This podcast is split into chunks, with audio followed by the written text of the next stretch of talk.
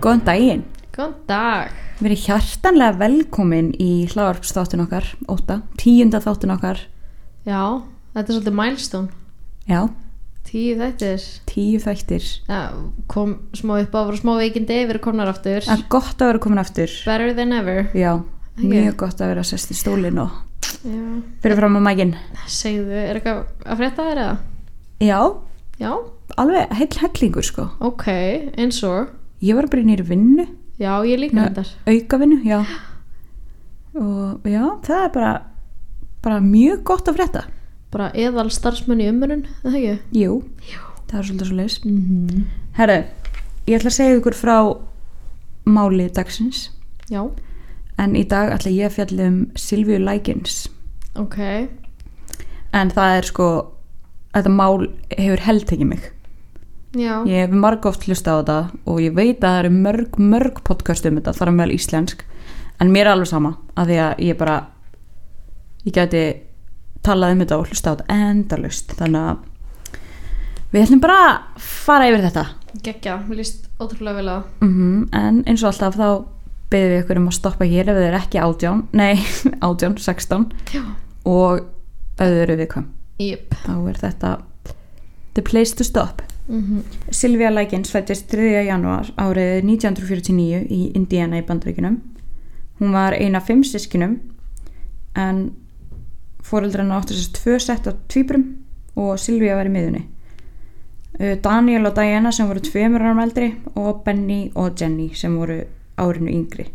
Ok. Brjálega að gera þessari fjölskyldu að gera fyrir. Já. Uh, Jenny væk- viktist svo að mænusótt þegar hún var lítið barn þannig að það gerir það verkum að hún uh, fóturinn hennar óks illa annar fóturinn þannig að hún haldraði mikið og var með svona spelg, hérna, spelgu, spelgu. Já.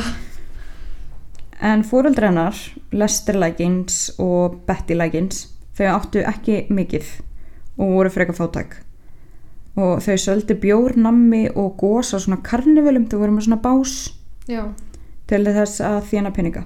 Þannig að þau ferðist mjög oft og voru sjaldan á samastanum lengi. Emmett. Og ég get ekki ímynda mér að það sé ódýrt að eiga fimm börn, Nei, fæða þau, menta þau og klæða þau. það er það ekki og svo þarf náttúrulega líka að borga spítalarring fyrir hvert og eitt bat sem þú fæðir út í bandreikunum sem að er náttúrulega bara ein tegund að brjálaði en já Já, nákvæmlega. Þannig að Jenny og Silvia voru eftir þegar þau ferðist. Líka bara svo að þau myndi ekki missa úr skóla og svona. Já, einmitt en þær voru oftast bara hjá ömmu svona afa eða einhverjum ættingum Já, en bræður þeirra, D- hérna Daniel og Benny ferðust með fóröldur sínum og hjálpuðu með að vinna en það er samt ekkert minnst á Diana sýstur þeirra en hún hefur sannlega bara verið með fóröldur sínum á ferðalagi já, En árið 1965 í júni var öll fjölskyldan saman í Indiana en í júli er Betty, mamma þeirra, handtekinn fyrir að stela ok Þannig að Lester ákveður að senda Silvíu og Jenny til konu sem hétt Gertrúd. En hún átti meðal annars tvær dætur sem að voru vinkonur Silvíu og Jenny. Þannig, Ok, þannig að þær, þær, þau þekkjast alveg þessu fóreldrar já, þetta var ekki algjör ókunnu mannskja. Ok, Eh, en Lester semst borgar Gertrúd 20 dólar á viku fyrir að vera með stelpunar þangar til hann kæmi aftur í november ok að sækja þér. Þannig að hann er alveg hérna frá, frá júli fram í november. Það er mjög lung fyrir að vera mm Gertrúd Eh, lofar að hugsa um stelpunnar bara eins og voru sín eigin börn en hún átti sérst sjö börn Já, það gerur örugglega ekki mikið mun að hafa nýju eða sjöu sko nei og þær voru líka bara ógislega rólegar Já, fór ekki mikið fyrir þeim en fyrsta vikan gekk eins og í sögu mm stelpunnar fóru í skóla og eignuðust vini í hverfinu og fóru með Gertrúd og börnunum hennar í kirkju en þar sem Lester fæðistelpunarna var á ferðalagi þá kom vikulegu peningurinn seint já, og Gertrúd reytist mjög mikið. Hún öskraði ástalpunnar og sagðist vera að hugsa um þær fyrir ekki neitt og nýtti þær til þess að leggjast á á hnén, gyrða neyru sig þar sem hún raskildi þær svo með tréspaða á beranrassin. já, bara pjúra ofbeldi Já, og líka örgulega ógislega viðkvæmt á þessum aldri já þær voru sérst 15 og 16. já, Það er alveg, og farnar á getur og kannski ekki eitthvað sem hann vilt Nei, En þú veist það vill náttúrulega ekkert bara vera raskelt en þetta er Nei. kannski ekstra viðkvæmt þarna sko. Já, akkurát. En ofbildið byrja sérst þarna og smátt og smátt vestnaði það. Mhm. En í kringum miðan ágúst var Gertrúd farin að beita ofbildinu bara gagvart Silvíu. Já, Ég held hún hafi pottitt verið bara Jenny, hún er bara á bara bátt. Hún hefur auðvitað hort á þannig. já þegar hún var höld Já, en þú veist, ég meina hún var samt ekki, það var ekkert að henni. Nei, En hún hefur pottitt einmitt líka 1965 sko. Já. En Gertrúd gerði sífilt lítið úr Silvíu, ásakaði hana mikið um að stela á sér og slökti eiginlega á hverjum einasta degi síkartustupum á fingurgómunum hennar. En já, eins og ég sagði þá átti Gertrúd sjöböld Mhm. en hún átti eina stelpu sem hétt Póla. En Póla var árinu eldri Silvíu og hún var þessi vinkonennar þannig og þær urði mjög nánar eftir að hún kom já, inn á heimilið. En Póla var að hitta eldri mann ok og hann var giftur. Uh, hún segir Silvíu frá því að hún sé ófrísk og Silvíu missir það út úr sér við mannin sem að Póla var að hitta Mhm. að hún var ófrísk og Póla var vega sagt ekki sátt með hana. Hún fór til mömmu sinnar og segir henni að Silvíu var að dreifa lígasöfum um sig um að hún væri bara að drusla og eitthvað og segir svo að Silvíu væri svo sem var alltaf að hitta eitthvað að gauðra. Já, hún er hann að reyna að félga fyrir mömmu sinni sem er hálf árlegt af því að það kemst alveg í ljós fyrir það síðar Já, Stór kem, brís. kemst ekki hjá því sko Nei, nei, alls ekki En mamminar, Gertrúd, hún var ekki sátt hana Það var bara verið að dreifa einhverjum legasögum um dóttir sína Nei, Þannig að hún segir við Silvíu að ef hún var að hitta stráka og gera eitthvað sem hún ætti ekki verið að gera þá yrði hún alveg 100% ólétt já, og hún horfir á Silvíu, horfir á Silvíu og segir við hana bara Þú ert orðin svolítið feit Ert þið kannski ólétt? Og Silvíu var sko tiny mæni sko Já. hún var bara ekki neitt neitt óksla lítil og mjón bara æ, og Silvíu heldur að hún sé svona að grínast í sér mhm hún ætlaði bara eitthvað bara já, ég er alveg búin að bæta smá mig það er kannski bara verið megrun en Gertrúd stendur upp og sparkar í klófið á henni en Póla sem var bara mjög reið út í Silvíu fyrir að segja kæristinu hennar að hún var ófrísk mhm, sparkar henni sparkar í hana Já, og kýlar henni svo fast að hún brýtur á sér hendina já og þetta var náttúrulega vinkonina sko Já, emitt, góð vinkona Það er hræðilegt sko. Eitt skipti þegar ofbildi var orðið hræ, hérna, ríkulega slemt eins og það var náttúrulega bara orðið mjög slemt mhm, en þá nýttu þær sérst maður pilsur ofan í hana Silvíu sem voru sko með einhverjum ógisleim sósum og kryddum og eitthvað og þegar Silvíu eldiði þá nýttu þeir að borða æluna Hói mm -hmm. bara Mhm. ógislegt sko. Ugh. En í óttubur þremur mánuðum eftir að ofbildið gegn Silvíu byrjar Mhm. þá læsir Gertrúd hana í kjallarnum Já, þetta er bara að eskleitast Mhm. mjög rætt Silvíu fær ekki aðgang á klósetti og neyðist til að gera þarfi sínar bara í buksunar uh, þegar að Gertrúd sér að Silvíu hafi pissað í buksunar sínar þá ákveður hún að refsinni hún var alltaf á refsinni því hún var alltaf að gera eitthvað rámt en hún man alltaf aldrei að gera neitt rámt Nei, ég meina halló, fólk þarf að gera þarfutna sína og leifir ekki ykkur um að fara á klósiti, ég meina við ykkur í býstu einmitt uh, veistu hvernig hún refsar henni? Nei, hvernig gera það? hún tekur kókflösku úr glirri Nei, og treður því Nei. upp í leggöngin á henni greið og kókflaskan springur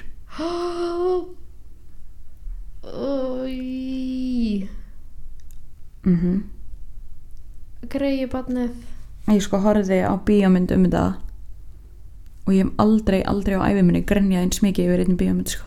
Nei, skiljanlega, þetta er viðbjöður mm bara hróttilegt ofbeldi Já, bara þetta er komið miklu lengri en það sko mm en hún fekk mjög lítið að borða og ef hún fekk einhvað þá voru það bara afgangar eða ónýtur matur úr ruslinu þannig að hún var líka bara þannig að hún var líka bara bara soltin, hún fekk ekkert, hún var ekki fór neina næringu Emmett en hún hefur bara verið Hún bara næringarskortir og Já. bara, ó, mhm En stuttu eftir að Gertrúd læsir hana í kjallarunum þá fara börnin í hverfinu að koma það sérst fara börnin hennar Gertrúd, hún átti þarna sjö börn og þau fara sérst að sækja krakkana úr hverfinu ok, í Seg- hvað, í hvað tilgangi? til þess að beita Silvíu ofbildi Já, hann er það var bara, þannig að sko, bara sunnudagsbarbekju og bara fara að pinta greið barnið þannig í kjallaranum. já það var sérst þannig að sko börnin hennar Gertrúd fara og sækja vini sína úr hverfinu og segja við þau að þau mega mega beita hana ofbildi að því mamma er að segja það Jésús. og á hverjum degi koma þau Eh, þau brenna hana með síkartustöpum beita hana allskynsofbeldi bæði líkamlega, andlega og kynferðslega ofbeldi Silvíu var mjög oft bundi við svona trésúlu sem maður var í kjallarinum þar sem að sko hún náði ekki að standa í lappirnar þannig að hún var bara hann í, í loftinu eða þú veist Já, hjekk Bind- bara. já Ó, En Gertrúd, hún skánaði náttúrulega ekki þarna sko nei. og ásakaði hann alltaf fyrir að vera vendiskona Já, og hann þurfti bara að vera mert fyrir það, svona branded fyrir það. Þannig að Gertrúd náði í nál, hitaði hana, þú veist kveikt að kveikjar og hitaði nálina, mhm, sker með nálinni, heitri nálinni í maganáni, bara I am a prostitute and proud of it eða ég er vendiskona og stolt að því. Þú skar þetta í magan á barninu. Þetta er 16 ára gamalt barn, sko. Já. Já. Einmitt. Uh, Stuttu eftir þetta segir hún svo við Silvíu bara, hvernig ætlar þú eiginlega að fara að finna þig mann? Þú myndi ekki finna þig mann með svona mer merki á, eða svona, Nei, ég maganum? meina- nei, en ég meina hún er hvort þegar búin að skemma krakkan, ég meina það eru glerbrotin í lækungunum á henni og, og hún- þú veist, það var lengur búið eðilega fyrir hann og hún myndi einhvern tímann, geta að stunda heilbrið kynlíf. Það er bara já, ekki bara, séns. bara smannlega samskipti. Já, einmitt, það er bara búið að skemma greiða barnið. Já. En Silvía var fyrir þessu hrottalega ofbeldi af konu sem að fóreldran hennar tristu Einmitt, greið. og þau borguðu henni 20 dólar á viku sem að samsvarar í kringum 20.000 íslenska krónur í dag og það er mikill peningur árið 1965 Já, einmitt líka bara, þú veist, fóreldrarnar eru að tristi þessari konu fyrir börnunum sínum. mm -hmm. Þú veist, ég get ekki ímyndað með samvinskona þeirra, sko. já þetta er bara þetta er hræðilegt sko en í endan þá gat Silvía hvorki talað henni hreift sig bara vegna sásöka hún er líka bara ónýtt greiðbarni Já, náttúrulega bara búið að berja hana og í döðlur og, já oh, En þann 27. oktober árið 1965 nokkrum dögum áður en að fóreldrarnar kemur sækina deyr hún oh, það er ekki skrítið, sko. en Silvía Lækins sérst lést af völdum ofbeldis sem hún var fyrir af Gertrúd og börnunum hennar og öllum börnunum í nágruninu Mm Ég bara, þú veist, vissi engin annar þetta, þú veist, fóreldrar barnana sem að voru með í þessu, þú veist, mér finnst bara magna hvernig þetta fór óséð. sko í réttarhöldunum þá var tekið börnin úr hverfinu til dæmis líka Já. og það var spurt eina hvort að hún hafi sagt einhvern frá þessu Mm og hún segist að hafa sagt pappa sinni frá því Já, og var, eh, stóð hann ekkert upp og hringdi á lauruglu eða? Nei, hann segði bara við hana ef að hún skildi bara alls ekki verða eins og Silvía því annars myndi hún enda svona Ringja á laurugluna. Já. Það er eh, lágmark. Mhm. og í rétturhöldunum viðkendi Gertrúd aldrei hvað hún hafi gert Nei, en sko, það jafnvel, herfa. þótt, já, jafnvel þótt að börnin hennar Jenny, sestrinna Silvíu hún alltaf vitnaði þessu Já, einmitt. og öll börnin í nágruninu sögðu sko a- frá öllu þau, Já, það, það voru bara eh, tugi vitna á móti henni. já og þó voru allir að segja frá það svöruðu það svöruðu öll- allir spurningum en Gertrúd segir bara að þetta sé lígi þau Já. eru bara að ljúa en sem betur fyrr þá var Gertrúd sonur hennar sem heitir John Mhm. og Paula dóttirinnar ásamt nokkur öðrum krökkum og já, voru dæmt í fangilsi Mhm. þannig að þetta fór ekki alveg eins og Gertrúd hefði viljað sko Nei, en ég meina þetta hefði getið farið mjög betur og hún hefði bara, bara verið dísind manneskja já ég skil líka bara ekki þú veist þegar þú átt börn, sj- að þú veist, þegar maður á börn sjálfur mm -hmm. hvernig getur orðið eða þú veist valdur af ofbeldi einhvers annars bad skilur ég skil það ekki sko Vist, ég bara f- fatt ekki ég bara, ég hef en Gertrúd satt í fangilsi í 19 ár hæ, mm 19 ár í 19 ár come on uh, hún kom út árið 1985 hún sest, fór í fangilsi 1966 og hún lést 5 árum setna 1990 já veistu, hún hefði mátt bara dúsa í fangelsi bara í aldanar á sér mín vegna sko. mm en dóttirinnar Paula hún satt inn í 6 ár já, uh, hún breytti um nafn hún heit hérna, skýrði sjálfa sig breytti um nafn Paula Pace held ég já, mér finnst samt að eiga að vera ólöglegt fyrir því ef þú ert eh, á sakaskrá ég veist hvað hún gerði hvað gerði hann? hún fór að vinna í skóla já, og og var mann bara- með bönnum sko Já, einmitt. Þú veist, mér finnst, mér finnst þess að ætti að vera ólöglegt fyrir glæpamenn að um breytum nafni að breytum, þú veist, identity út af því að fólk á rétt á því að vita ef að þú ert, þú veist, barnaneyingur eða morðingi eða eitthvað hefur, þú veist, mér finnst það bara, þú veist, ég sjálf sem fóruldri að það væri eitthvað sem að, þú veist, glæpa maður að vinna í skólanum hjá barninu mínu sem væri bara búin að skipta um nafn, þú veist, ég er því bál fucking reið, sko. ég er fjúri sko Já. en hún sérst vann bara með bönnum bara það sem rest, eftir er ég veit ekkert hvort hún sé lifandi í dag, ég lindar kíkta ekki á það sko en hún eignaði svo dóttir Já, ok. og hún skýrði hann í höfuðið á mömmu sinni Gertrúd Já, en hún er ekkit skara einstaklingur en heldur, heldur að mamma sín. Sko. Nei, alls ekki eh, Sónur hennar, Gertrúd, John Mhm. Hann satt inn í tvö ár Já, ok. Fyrir mandrap og gáleysi sko Já, já, einmitt. Eh, eh, Þegar þú varst ekki með hugan við það sem þú varst að gera það. Nei, einmitt eh, Hann var svo prestur Hypocrite. Mjög kaldænslegt Já. ég, ég sá þetta líka, ég var bara Ertu að fokk í mér það? En þú veist, Bandaríkin. já En þessi bíómynd sem ég horfði á Hún heitir An American Crime Og hún er á Amazon Prime Já. Ég ætla kannski að horfa á þessa mynd. Ég mæli með þið sko Já. Ég er ekki búin að sjá hana. Sko, ég Ég veit að við erum alveg að taka fyrir alveg mjög mikið af svona dítilum og eitthvað. Það er alltaf annað samt að sjá það. Að, þú veist, að sjá, þú veist, Mhm. Sko, ég tók ekki núna, þar sem ég skrifaði niður Uh -huh. ég tók ekki allt þar sem að kom fyrir Silvíu, sko. Ég, ég gera það aldrei í málunum sem ég tek út af því að það er bara, þú veist, Sko, ómikið. þegar ég segi ykkur að ég grenjaði með ekkum Ég, Ég ég, horfa ég á fekk þessu- snabbtjátt, ég Já. get staðfist það. ég ég bara, ég gat ekki ég bara, ég hef aldrei grenjað svona mikið yfir bíómynd og ég mæli með henni, sko.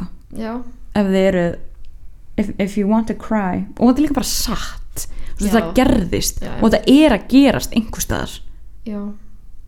þú veist við vitum ekki neitt sko Það er alltaf mikið að ljúta fólki til sko og alltaf mikið að fórnulömbum. ég mæli bara endrið með þessari mynd Já. og I'm very sorry ef að þið hefur viljað þú veist meira en sko mér er bara að fara að þykja vænt um Silvíu eftir bara allt það sem ég er búin að þú veist, Já, auðvitað gerum maður það. Já. Maður fær alltaf eitthvað svona ég er bara tengsl einhvern veginn. þú veist ég get bara að fara að grenja núna sko Þetta er alltaf leiðilegt þótt þetta sé áhugavert og þú veist, ég menna það er líka bara gott þú veist að dreifa svona awareness um að það er ofbeldi sem á sér stað mm -hmm. þótt að þetta sé frá því 1965 þá gerst þetta samt en það dag í dag Já. á allt á mörgum heimilum og allt á mörgum stöðum og þú veist, þetta er bara raunverulegin sem ég liði við því möður Já, algjörlega en þetta er alltaf einmitt jafn skemmtilegt þótt þetta sé eða jafn áhugavert þótt þetta sé Mhm. ógeðslegt já, það er rétt en við mjögum að sálsög byrta myndum Já. inn á Instagram aðgangin okkar ótti podcast já